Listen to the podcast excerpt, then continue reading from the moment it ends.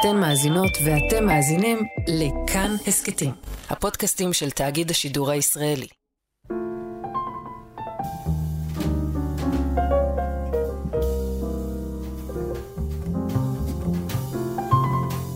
שבת שלום, צהריים טובים. חג שמח למי שחוגג, מה שנקרא עצמאות שמח, ברוכים בהתבודדות, אנחנו באולפן עמיחי חסון, וירסולין. במסענו השבועי, שמן הסתם ינסה לתפוס את רצף הימים האלה, וכמו חגי תשרי, רק כאילו באזורים הלאומיים, הכאילו חילוניים, נכון? כן, ש- זה שגם מייצרים איזשהו סיפור. הח- החגים הלאומיים. חגים אלוהים. אבל הוא כאילו, הוא, הוא ממש נרטיב, כן? שואה. נגיד יש אה, פסח זה עוד חג דתי, בסדר, אני שם אותו בצד, ואז יש לך את השואה, את יום הזיכרון, מיד אחריו יום העצמאות, בפער לא מאוד רחוק יום ירושלים, כן. שרק אנחנו בתוכנית חוגגים, וכמובן במרכז הרב, אין עוד מקומות שמציינים את זה, אבל כאילו מין סיפור שהוא הוא ממש הולך מ- מה- מהקזת הדם, כאילו, אל עבר ה... בדמאי חיי. בדמאי חיי, כן. כן. השאלה היא באמת, אני לא, לא, לא בקיא בזה, בטח נכתבו על זה מחקרים או כאלה, האם זה באמת התהווה, נוצר ככה באופן מודע? כי הרי יום השואה נקבע אחר כך. כן. היה ב-59, אני חושב, נכון? אה, אבל יום הזיכרון ויום, ויום זה כן. הם, כן. אה, הם לא, פונקציה... יום הזיכרון ויום...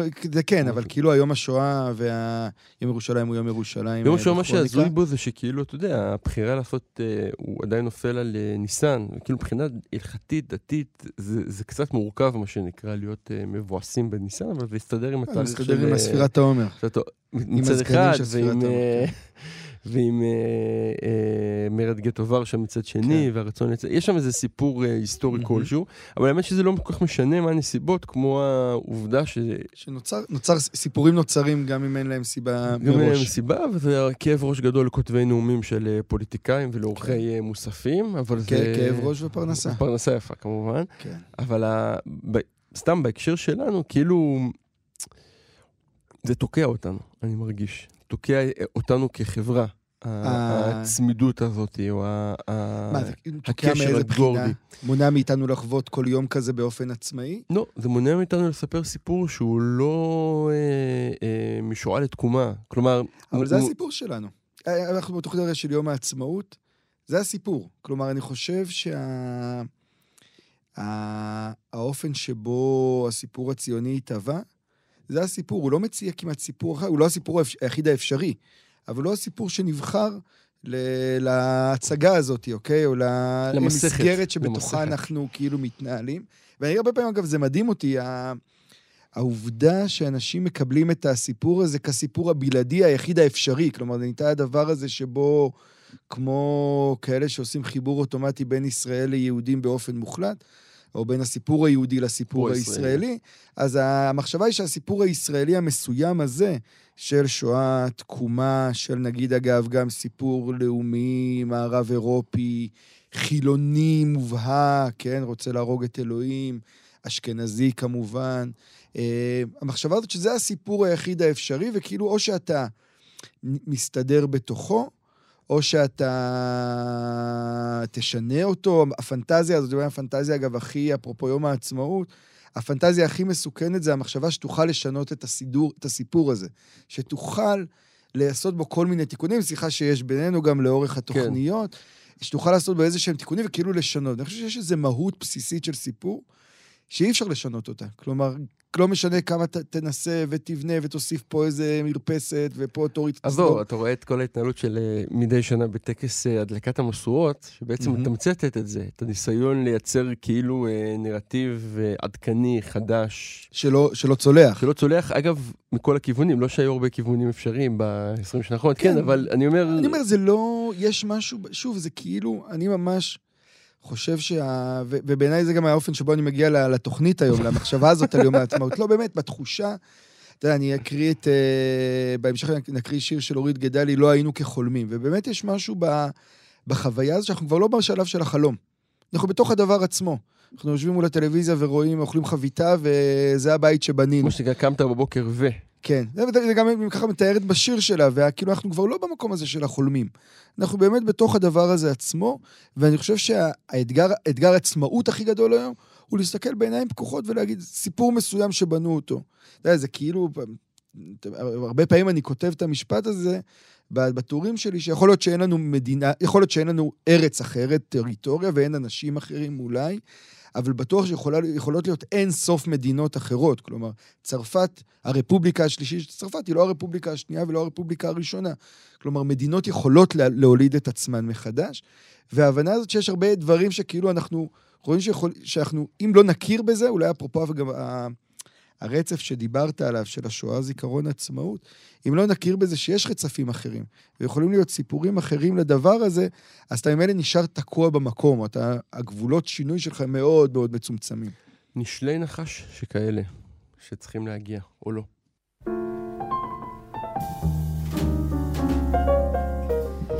אמ, אז בהמשך לדברים שאמרתי, או אמרנו לגבי, ה...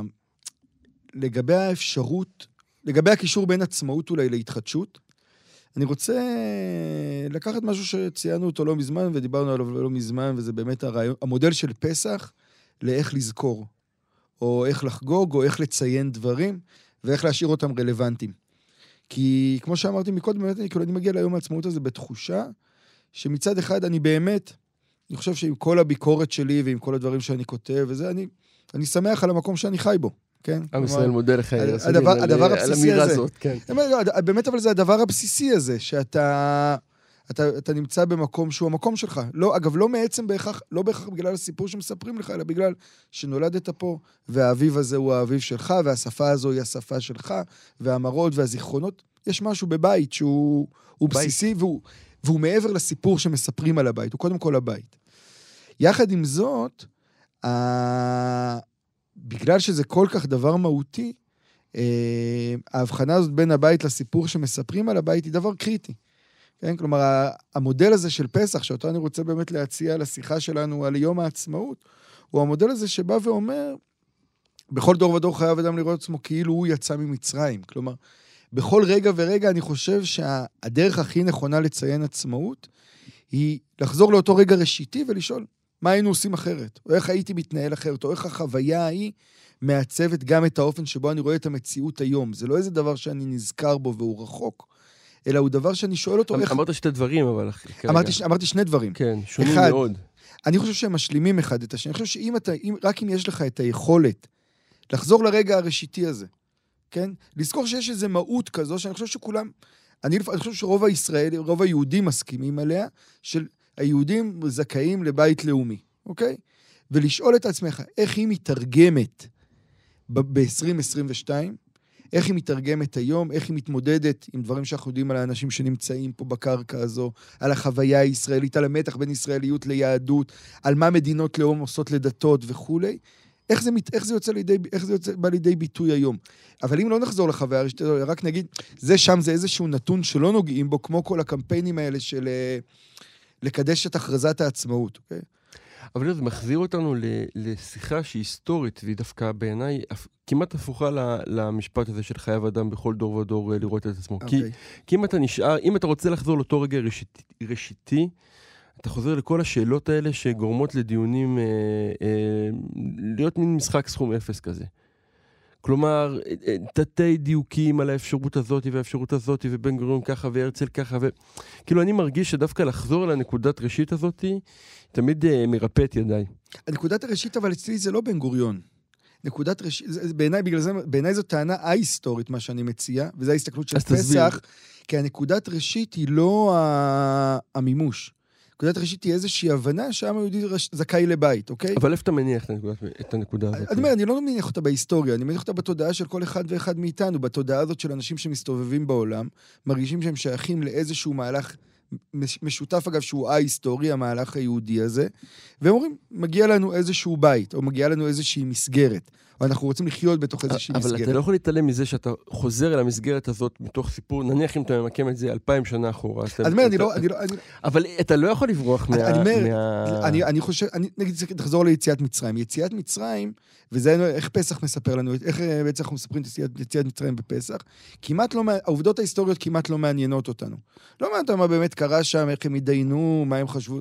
מעניין אותנו שהיה איזה רגע שבו זעקו, נכון. והיה את הרגע שבו ברחו. עכשיו, המהות, את אני רוצה בסדר, לחזור לזעקה אתה- ולבריחה. אוקיי. הזעקה ולבריחה, היא לא בעיניי קרתה דווקא במשפט דרייפוס, או דווקא במרוקו, או דווקא בשבתאי צבי, אוקיי? היא, היא, היא איזושהי תודעה שהתהוותה, והיא מציפה איזשהו רגש שאני אישית מזדהה איתו. כלומר, אני לא יכול להתכחש לרגש הזה. אני יכול להגיד שהמימוש לרגש הזה, כמו שהוא היום, לא הולם בעיניי את הרגש. בסדר, עם זה, עם זה אני? מזדהה איתך. לא, זאת אומרת, עם זה אני, כן. אני מסכים, אני כאילו פשוט... ממש לא, ממש לא חזרה לראשית במובן ההיסטורי של הדבר. ראשית היא תמיד הרי הרגע שלפני ההיסטוריה. ההיסטוריה קורית אחר כך כשמתחילים, היסטוריה הרי היא תמיד על המימוש. היה, היו את הרגשות האלה, ואנשים התחילו לממש בכל מיני צורות, והתחילה להיווצר ההיסטוריה הזאתי. אני מדבר על לחזור דווקא לרגע, היכולת לחזור לרגע שבו ההיסטוריה עוד לא קיימת. בעצם לשים במושגים, אני יודע מה, אה, פנומנולוגיים כאלה של אוסר, לשים בסוגריים את הסיפור ההיסטורי ולהגיד, אחלה, הסיפור ההיסטורי הזה הוא היה, הוא מימוש של משהו. האם אנחנו יכולים ללכת, לחזור לנתיב אחר? דיברת על להשיל את נשן הנחש, זה בדיוק זה, האם אתה יכול להשיל את הדבר הזה ולבחון אפילו, כמעט כתרגיל מחשבתי, מסלול אחר, או. הסתכלות אחרת, או מה הייתה בדרך אחרת לחלוטין, אם היינו פועלים דרכה בנסיבות אחרות וכולי. נדמה לי שה... כאילו מה שמונע מהישראליות לעשות את המעשה, נגיד הצרפתי שדיברת עליו, של ההתפרקות, היא התחושה שיכול להיות שזה יתפרק ולא יחזור בכלל. כלומר, כשאתה חי בתוך, אה, נגיד בתוך הסיפור הצרפתי, אתה יודע שתיגמר הרפובליקה הראשונה, אבל תהיה גם רפובליקה שנייה ושלישית וכולי. ואחת התודעות שתמיד אה, חזקות ביום העצמאות, לטוב ולרע, היא, היא הפלא של הרגע הייחודי הזה. של התחושה שאם לא תיאחז בתוך הקרקע ובתוך הסדר הישן ובתוך ה... ממש בציפורניים, פשוט יישמט כל הסיפור. וזה אולי הנקודה הכי קשה, כאילו בעצם, של, אה, של היכולת להגיד את מה שאתה מבקש לעשות, של להתבונן עכשיו ולהגיד מה היינו עושים. אני מסכים. אני חושב אבל שזה... כל סיפור אומר לך שהוא הסיפור היחיד. כי אם הוא לא הסיפור היחיד באותו רגע, אז הוא לא קיים. כן, אם אתה עכשיו קורא רומן, ותוך כדי אתה עובר לדף, בדף, אתה קורא דף-דף כזה, כן? זה מאבד, מאבד שיטה ברורה ל... מאבד, לניסויים, סתם. כן. מה- מה- בעצם זה מאבד מהקיום. יש משהו ב, ביכולת, בהתחייבות לנתיב, שזה ברור שהמסגרת מספרת לך. אני חושב שהיכולת האנושית הגדולה היא להגיד, למרות שאני מבין שיש את הסיפור הזה, אני גם יודע שהוא רק סיפור. ושיכולים להיות סיפורים סיפור. אחרים, ושם בעצם נמדדת העצמאות. הרי מה זה הזעקה הזאת של בני ישראל במצרים? זה היה הרגע הזה שבו הם הבינו שהם לא חייבים להיות עבדים. שיכול להיות משהו אחר, למרות שהם נולדו לדבר הזה, שזה בעצם ייעודם כביכול. והרגע הזה הוא בעיניי הרגע של החירות האנושית, של חופש הבחירה, של העצמאות, אם נרצה. אה, יש כל מיני סצנות של אה, תיאורים של אה, הקמת המדינה. אני, אני דווקא עושה את מה שביקשת לא לעשות, וחוזר לתוך הרגע ההיסטורי. אתה ביקשת לא אני לעשות. ביקשתי לעשות, כן, נכון, אתה צודק. אה, ואני אגיד שאחד התיאורים שאני מאוד אוהב זה התיאור של אה, קניוק בתש"ח, אה, שהוא תיאור ש... אתה יודע מה, אולי פשוט נקרא אותו. שזה, אגב, רק, רק נגיד על קניוק בהקשר, שמה שקניוק קניוק עושה בתש"ח הרי, זה בדיוק לייצר, לייצר דיסטופיה או אוטופיה ממשהו שכבר היה. זה המלאכה הזאת שלו, של לחשוב על ההיסטוריה, ההיסטורי לגמרי. לא לחזור אחורה. נפתח באמירה הפשוטה, היה או לא היה, ככה או אחרת, לשום זיכרון אין מדינה. לשום. מדינה אין זיכרון, אני יכול לזכור או להמציא זיכרון. הוא בא בעת להמציא מדינה או לחשוב שבעבר הייתה אחרת. אין מדינה שיכולה להיות אחרת אם לא הייתה קודם לא אחרת. שזה ממש... אה, כן, אחד לאחד הדברים הפרויקט של שאמרת. קניוק לגמרי, היהודי האחרון, יהודי זה. תמיד. אז אני ככה בסצנת, אה, יחסית בפתיחת הספר, אה, זה לא ארוך. היה איתנו המטורף המתוק הזה, בני מרשק. החסיד החילוני שחלם על מדינה יהודית והיה מנוזל מרוב געגועים למדינה, וחירף את אויבי ישראל אפילו מתוך שינה, ועלה איתנו מקיסריה שבה חיכינו למ- למעפילים שלא הגיעו, אל המלחמה בערים שהגיעה ועוד איך. והיה צועק וחוזר וצועק, והרי לצעוק הוא ידע, שנקים לו כבר את המדינה. וחשבנו, בן אדם מסכן, אוהב מדינה שלא קיימת, ואם תהיה, זאת ודאי תהיה עפולה, שזאת העיר היחידה, גם אם כל בתיה היו מחוץ לעיר, ושימשה למעשה תחנת אוטובוס בדרך לעמק יזרעאל, או תחנה לעצור בה לשירותים בדרך לחיפה. הלא בני המסכן באמת ובתמים חיכה אלפיים שנה פלוס כמה ימים, שאורכם אינו רשום בשום מחברת. אז נעתרנו לו, כי הוא הרי לא ישן חודשיים, ואנחנו בדקנו וריגלנו אחריו, והוא באמת לא ישן, לא אכל, לא שתה, לא התרחץ. את האחרון הרגשנו גם בלי לרגל אחריו. וכל העת היה עסוק בהקמת מדינה שאיש לפניו לא ראה את דמותה. וכאשר ניסה לתאר אותה, היה מתעוות מן הבכי שחנק את גרונו, והצורח מהתרגשות. ושכבר נשבר לנו התחת מכל הגעגועים שלו, וחשבנו שבאמת צריך לעשות משהו בנידון, ולהקים בשביל בני מדינה כדי שירד מאיתנו, נתקענו על איזה משלט. אני לא זוכר איזה. ובחור יפה תואר, שאת שמו שכחתי, הזדקף לרגע ונפגע ישירות מפגז מרגמה, שלושה אינץ' שחתך אותו. ממש חתך. כאילו הפגז היה סכין חד.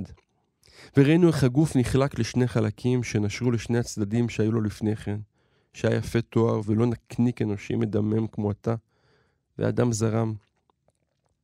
כיסינו אותו במעלי הצרם הצבאיים הכבדים והארוכים, שבספרות היפה נקראו סגין, ומישהו שאל מי הוא. אולי היה עולה חדש שנקלע אלינו, ונרדמנו.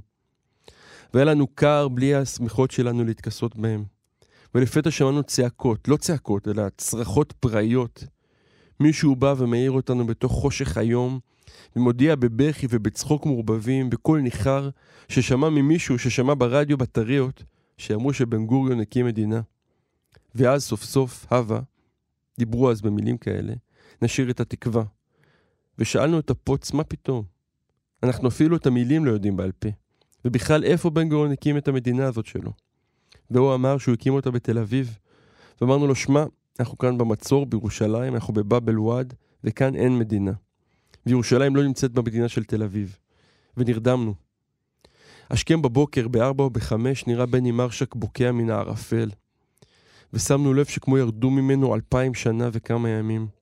פתאום הוא צעיר, נועז וצוחק, מקפץ על הערים, מדלג על הגבעות ושר. לרגע חשבתי שאפילו ריח הזיעה העתיקה שלו נגוז. הוא בשלו. בכלל לא רואה את הבחור החתוך השוכב על האדמה מכוסה בשמיכות. הוא נעמד דום ועמד נוח, שערו פרא. הוא מנסה לשיר התקווה ויוצאת ממנו צרידות ארץ ישראלית של דור שחשב שאם צועקים, צודקים יותר. בעמידה חזקה, נטוע באדמה, בקושי זז, הוא מתחיל לרקוד הורה גמלונית וכבדה שהם הביאו איתם מהגולה, מנורה של חסידים, והוא רוקד במכנסי חאקי בלויים עם חוגר למותניו, כי על אלוהים סמכו אז רק עם אקדח ביד. זאת הייתה הורה של איש אחד, כפול אלפיים שנה וכמה ימים. והוא מקפץ ומתנועע וצועק, אל לבני הגלילה, אל לבני הגלילה. ואמרנו לו, אנחנו בירושלים. ואחד מאיתנו פתאום מדקלם מתוך שינה את השיר, האדם נולד למות, הפרה ללדת. ואם עלית על עמוד תצטרך לרדת. ובני מרשק צועק, בני בליעל, בני נאוות המרדות, על מה אתם חושבים? זה רגע היסטורי. הכי היסטורי שהיה זה אלפיים שנה. והוא פתאום בוכה, ואני קם ומצטרף אליו. אינני רוצה, אני עייף, אבל בני כבר ממש מתחנן ולוכד אותי בידו החזקה מ-40 שנה בקיבוץ. ובאמצע שום מקום, בארבע או בחמש לפנות בוקר, בתחת של העולם, ליד גופה שהתחילה להסריח על משלט מושתן, בין יריות.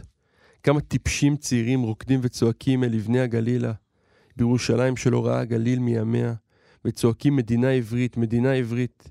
ותוך כדי ריקוד אני מתחיל לרעוד, עיניי נעצמות. אני תוקע גפרורים בין הגיבנים ללחיים, איך נרדם תוך כדי ריקוד. ובני רץ לספר לעוד חבר'ה. ואחר כך נסענו את האיש החתוך לקריית ענבים. מסרנו אותו לזקנים מהקיבוץ שהיו ממונים על הקבורות וישנו מעט. כשהעירו אותנו, נקראנו להילחם בעוד קרב, ושוב שכחנו למה. וזה הדבר הכי מצחיק שקרה לי במלחמה ההיא, שהקמתי מדינה תוך שינה וריקוד אורה, על ידי חבר אלמוני שהיה חצוי לשני חלקים.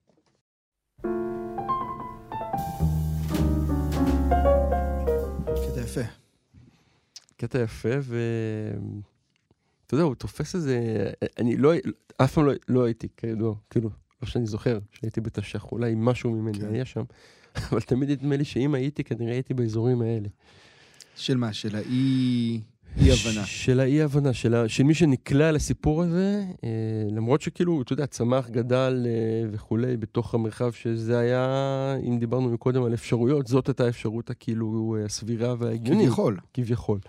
ועדיין, כשהוא נמצא בתוך כל האנדרלמוסיה הזאתי, נדמה לי לפחות שכנראה הייתי באותו אני, מצב. אני חושב שיש משהו ב, בעמדה של קניוק בכלל, והיא מזכירה לי את השיחה ששנינו השתתפנו בה עם אה, מירון בן בנישתי.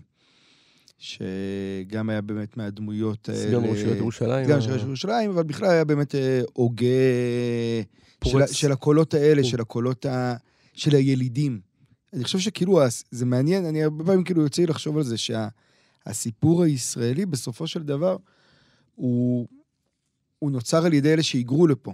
אחד הדברים המעניינים בפרויקט הזה של יום קניוק, זה באמת הפרויקט של היליד הישראלי, או זה שנולד לפני הישראליות, היליד העברי הזה, שלא באמת מבין עד הסוף את הפרויקט הגדול של אלה שבאו מהגולה או כאלה.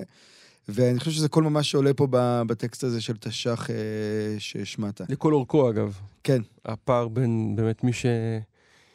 מי שהיו כאן, לבין מי שמצטרפים, והמון פעמים אלה, אלה גוזרי הקופונים, אגב. מה, מצטרפים? לא, ההפך. אה, אלה שהיו. ילידים. כן, כן, אני אומר... גם אם, גוזר, גם אם המצטרפים הם בעצם הכוח המניע של רוב לא, המהלכים. אבל יש, יש משהו בעמדה הזאת המפוקחת של מישהו שנולד במקום ולא הגיע אליו, שאומר, בסדר, חברים, כאילו, המקום היה קיים עוד לפני, אנחנו לא, לא כן. צריכים את המדינה כדי לחיות במקום. זו עמדה מאוד מעניינת שלו, אגב, כאילו, זה צריך, להגיד, צריך לציין לזכותו, שזו עמדה שהיא מה, משנות ה-70 כבר, אני חושב. אולי אפילו קודם, כן. כן, זה- זה- זה שנות ה-70. היהודי האחרון יצא ב... 77, לא? אז כן. משהו כזה, אני חושב, לא, לא, לא, 76 משהו. אולי. לא, לא, לא מתחייב על התאריך. אמ, רציתי באמת להקריא את השיר הזה של אה, אורית גדלי, שבאמת אחת המשוררות אה, היותר מעניינות שכותבות היום. אני אגיד למי שתוהה, זה לא מהספר החדש. זה לא בדיוק, כן. זה, רציתי להגיד משהו על זה, רציתי לעשות משל על, ה, על הדבר הזה, כי ה, הספר הזה שהוא... שהוא... השיר הזה ש, שאני אקריא, מסמיכות מאיזה ספר? אני לא זוכר מאיזה ספר הוא. אה, הוא שיר- מוקדם, לפחות מלפני שש או שבע שנים. והוא שיר שבעצם מדבר, באמת, הוא נקרא לא היינו כחולמים, והוא מדבר על הרגע הזה שבו אתה עובר מלחלום על משהו ללחיות אותו, במובן הטוב של המילה. שאתה רגוע, היא אומרת, לא היינו כחולמים. ואז אתה באמת מזכיר את, ה, את הספר האחרון, שהוא ספר של שבירת כנראה הדבר הזה, שבירת החוויה הזוגית שהיא מתארת פה. כאילו שלב שלישי. היה את החלום, היה את השגרה, את אה, ואז שגרת היה את הזוגיות. השבר של ואז השגרה, ובעצם את המחשבה הזו של ה... אפרופו בכל דור ודור חייב אדם לראות עצמו כאילו יצא ממצרים, של ה... שכאילו כשמוותרים על החלום, אז מאבדים משהו מאוד מאוד משמעותי מהאפשרות בכלל להתקיים. וככה היא כותבת: למדתי ממך איך לא להוציא את הגוף מפשוטו, לתת לידך לפרט מה נעשה הערב. גבך רפוי, אינו מעמיד בו אדם שאיננו הוא, אורך חלק כמו מגלשה של מור. למדתי להניח שמה שקרה, קרה לאישה אחרת. לא זו שמתקלחת בסערת חולין, אלא זו שמתרחצת ומתיישבת לידך, לקרב מצח אל מצח, תנועה של כן. אולי עוד שנים כבר נשכח שכל זה היה. הרגע הזה, השירה שעל לשוננו, הקרבה השקטה המונחת מתחת לכל. ובכן, היה אהובי, היה. לא היינו כחולמים. הספה בסלון, ריחות הסבון והמלח, מילים העולות זו על זו בסולם שגנבו מצלילים, היד שלך הגדולה להפתיע שהגוף מתמסר אליה. לא היינו כחולמים אהובי, היינו שמחים. ואני חושב שהרגע הזה שבו אתה מפסיק להיות חולם ואתה מתחיל להיות רק שמח, הוא כמובן רגע מדהים, אבל הוא גם רגע מאוד מאוד מאוד מסוכן. ולטר בנימין אומר שהסטטוס קוו הוא ה... איך הוא קורא לזה? הוא. הפתיחה של... הוא האפשרות לאסון. אה, והרגע הזה של השמחה הזאת, של אפרופו מה שדיברנו קודם על יום העצמאות, רק כיום כס- של שמחה, ולא יום של חלום אולי, או של היכול, יום של דמיון, היא, היא בדיוק הדבר הזה שמבעבע. היא כאילו מתכתבת פה גם עם תהילים, הרי כן, עם... בהחלט. אה, אה, בש- אה, בשוב השם את שיבת ציוננו כחולמים, אז ימלא שחוק פינו, Mhm. לשוננו רינה. את השיר הזה שאני אקריא, זה באמת מתוך התהילים ישן התהילים. חדש, כן. אז אמרו בגויים, אה, אה, הגדיל אתונה לעשות עם אלה. ו- ותמיד כששרים את זה, אני, זה כאילו מנהג אשכנזי כזה, לשיר את זה לפני ברכת המזון. אני לא הכרתי את זה לפני שהגעתי באמת? עד כדי כאלה? לא, ל- לא השתכנזת מספיק. אתה רואה? כן. לא, זה... לא, במערכת החינוך, מה זאת אומרת, אצלכם לא היו בפני בבית ספר, או כזה, לא יודע, לא? אני גדלתי. בישיבה תיכונית שהיה בה אלף תלמידים ושתי נטלות, ומעולם לא היה תור לנטלה. אני אוקיי. אגיד את זה בעדינות. אוקיי. אבל אה, אה, כדרך משל. דימוי יפה. אבל תמיד חשבתי על החיבור הזה, כאילו בברכת המזון. שזה קצת מה שאתה מדבר עליו עכשיו, או אורית מדברת עליו בשיר, שיש בברכת המזון משהו שגור ויומיומי ו- ורגיל, ואתה עדיין מייצר את ההודיה עליו ואת השמחה עליו, אבל הוא כן. כאילו לא איזה רגע... אה, לא לא חשבת שלא יהיה לך לחם. בדיוק, בזמן. ותמיד ההקדמה של השיר, של המזמור תהילים הזה, מייצרת, והאמירה שלו בתוך שבת, מייצרת פתאום איזה הוד לתוך ה- ה- מעניין. הרגע הזה של, אה, של בוא נודה על האוכל, מה שנקרא. מאוד יפה, מאוד יפה. אני חושב שזה לא רק, אבל בוא נודה, אלא זה באמת ש... בוא נחלום על האוכל. נחלום על האוכל, כן. בוא נתרגש מהאוכל, כאילו. בוא נייצר את הדבר הזה שהוא יותר... אה, שהוא מאפשר לנו קדימה, שהוא מאפשר לצמוח. כאילו, גם שמחה יכולה לשתק.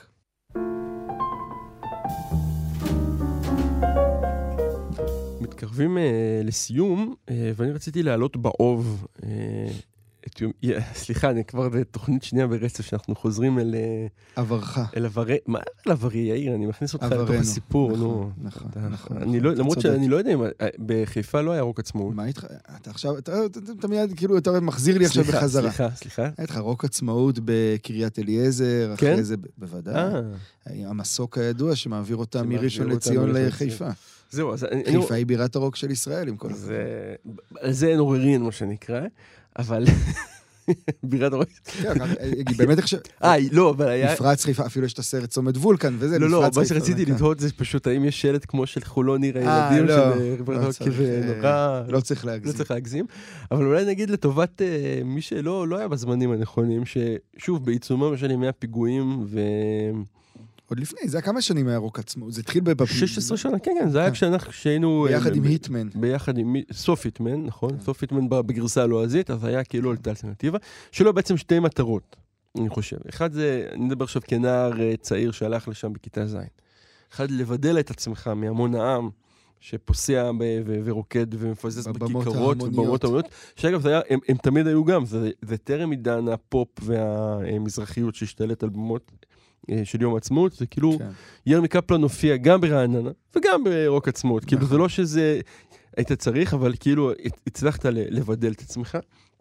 ואני חושב שהתחושה היותר חזקה, וזה הזכיר לי קצת את הטקסט שניסן שור פרסם בארץ לפני כמה שבועות על, אה, על הרוק הישראלי, או על שובו של הרוק הישראלי ועל אביב גפן כ- כדמות פתטית לכתחילה, שדווקא כן. הוא, הוא ראה בזה קסם, אני עדיין לא הצלחתי למצוא את הקסם. אבל התחושה הזאת שאתה יכול להצטרף למשהו שהוא כאילו, אה, איחרת את הרכבת, הסיפור הזה הרי נגמר ממש ממש מזמן, לפני שמישהו חשב על... לפני שההורים שלך התחתנו, אולי אה, הסיפור הזה נגמר. אבל הנה מציעים לך איזושהי גרסה, היא אומנם דלוחה והיא בעברית, ו- ואין בה... אה, מ- מ- בוא נגיד, 16 שנות רוק עצמאות, לא היה איזה ג'ימי הנדריקס שניגן את התקווה. כן, אה, זה לא היה וודסטוק. בדיוק, זה לא איזה זה, אבל יכלת כן לתת בתחושה, היה מאבטח בכניסה, והיה צריך אישור הורים, והכל היה ממותג, אבל יכלת היה להרגיש טיפה... צריך אישור הורים? לא, בגיל, אני חושב שהיה אה, כן? גיל- מעניין. היה מגיל מסוים שהיה צריך ממש להביא כזה... אני זוכר את הקטע רק שלא להכניס בקבוקים, זה היה... זה כן. מ- זה אפרופו. אפרופו שלא- הקפיטליזם, מה שנקרא. כן. אה, אבל התחושה הזאת שאתה יכול להצטרף רגע למשהו שהוא אה, הוא כאילו אה, ממקם אותך במקום שאתה רוצה להיות בו. אגב, איפה אנחנו חולמים, או מה אנחנו חולמים. אגב, אפרופו אביב גפן, אני חושב שהוא מנסה לעשות את זה בשנים האחרונות, הוא עושה הרי קונצרטי רוק כאלה. כן. שזה בעצם סוג של אותו כן, דבר, זה. שחזור של הדבר, ואנשים מגיעים. עכשיו, השאלה מי הם כבר מגיע. זהו, אני יודע שכבר כרז ובני 40, אבל... אה, במשכנתה. אבל- ויושבים כבר, ובמקום פוגו הם אה, מלטפים אחד את השני. אבל אה, רק נגיד פוגו זה בדיוק הריקוד ה... שבו כולם קופצים לתוך ה- הרחבה. אתה יודע, לפני איזה חודש, ראיתי, נסעתי בכביש וראיתי שהיהודים הולכים להופיע בנס ציונה. ופתאום שאלתי את עצמי על ה... קודם כל, עשיתי שני דברים אינסטינקטיבית. ואני לא יודע מה קדם למה. זה היה, הייתי ברמזור ושמתי בספוטיפיי, שמתי את היהודים, שלא שמעתי אותם באמת, אני חושב, איזה עשור לפחות, אם לא יותר. אוקיי, לפחות את אה, אלבומם? הראשון מציאות נפרדת, ולא את אה, הדרק שיצא כן. אחר כך. כן, נכון. ולמרות שדווקא שיר הפוגו הידוע, גניבה הוא באלבומם השני. גנבה, יפה. יאיר. מה אני אעשה? אני... ככה זה היה בחיפה. לא, ברצינות, ואז תהיתי על האנשים האלה שכאילו, הם כנראה פחות או יותר עושים את אותם שירים, כי לא יצאו שירים חדשים, אז לא. לא הייתי בהופעה. ואז איך אתה במשך 30 שנה מייצר אנרגיות. משמר את האנרגיה שאתה כן, כן, דיברת כן. עליה. את האנרגיה הכאילו מהפכנית, הרדיקלית, הלהתאפר, הלצרוח בגיל 50 ומשהו. אה, וזה סתם, זה כאילו, נשארתי עם השאלה הזו ב- זה בראש. תיאטרון כבר, אני חושב. אבל זה גם, בתיאט... גם בתיאטרון, אתה צריך איזה כאילו חיבור לשורש של משהו. כלומר, פה יש, אני, אני זוכר שהייתה, הרי הרבה שנים הם לא התראיינו. ואז אני זוכר שהייתה איזה כתבה, שכאילו פעם ראשונה הם התראיינו, ואז גילית שהם לא כאלה מגניבים כמו שחשבת, כן. הם באמת גרים באיזה פרדס חנה או משהו, לא יודע אם אני זוכר נכון מאז. והפער הזה בין כאילו ה... אתה יודע, זה בדיוק כל השיחה שלנו היום. הפער הזה בין כאילו הדברים עצמם לבין הסיפורים האלה שאנחנו כאילו חיים אותם, אפרופו רוק עצמאות כוודסטוק, או כל, כל הסצנה הזאת וכולי, הוא פער שקשה לו, קשה אגב הרבה יותר לשמר אותו בזמן שלנו, של הרשתות החברתיות ושל ה...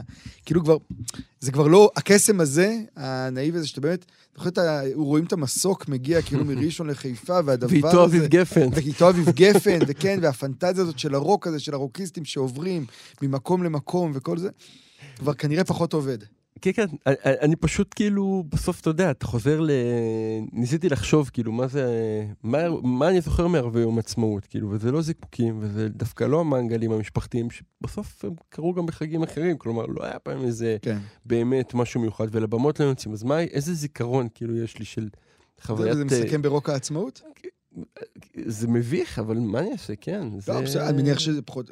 בשבילי לפחות, אתה יודע מה זה, זה אהבות ראשונות, זה... אגב, היה משהו מעניין, אחד הדברים הכי מרשימים ברוק עצמאות, שהם עשו את זה באמת רק בשני המוקדים האלה, בראשון ובחיפה, ואז זה גרם לה, להרבה אנשים שלא נפגשו, מכל הארץ, מכל הארץ כן. כאילו להתכנס, ואז אתה פוגש אנשים שלא ראית, ו... מה זה שאתה אנשים מה-ICQ? בדיוק, לא- יש את לא ה-ICQ, ויש את זה, יותר. נכון, נכון, היו ימים. מעניין.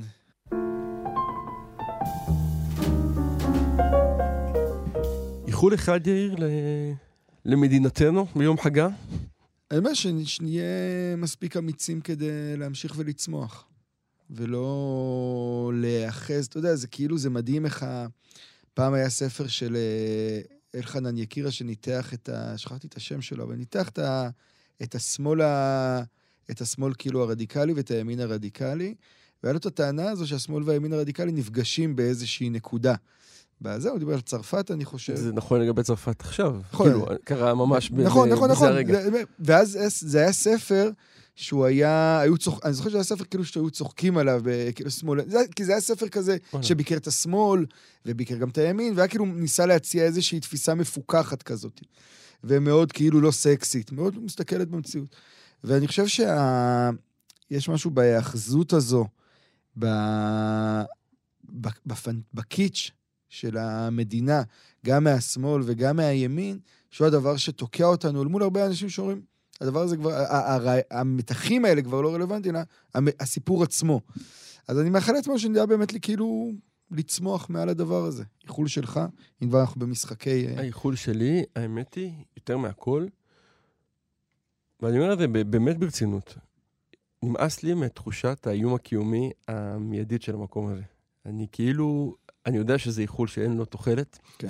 אני יודע שהוא לא הולך לשום מקום, ועדיין, אם, אם אני צריך לבחור דבר אבל אחד כי, שהוא... כי, אתה, כי אתה חושב שהוא מניפולציה, האיום הקיומי הזה? כי אתה לא מאמין לו? אני לא יודע אם אני מאמין או לא, כמו שאני מבין שהוא מעצב את 99% מההחלטות פה. אתה אומר, גם אם הוא יחסית נכון, אני עדיף- מניח, עדיף- א', אני מניח שבהמון מובנים הוא יחסית אני נכון, כן? אני אומר, אתה אומר, גם אם הוא יחסית נכון, עצם זה שהוא מע- מעצב את ההחלטות שלנו, זה רק תוקע אותנו ולא מאפשר לנו אפילו לא אפשר לנו להתמודד. לעשות המון המון דברים, או, או, או בכלל לייצר מחשבות, כי אתה תמיד נתקע בקיר הזה. אה, עכשיו, זה לא ישתנה, אויבינו כנראה אה, יעמדו על משמרם, אבל אני לא יודע, אם אני צריך לבחור... אתה אומר, זה לא עניין של אויבינו, זה עניין של האוטונומיה לא, שלנו. לעצמנו, כן, לבוא כן. ולזכור ש, שזה נכון.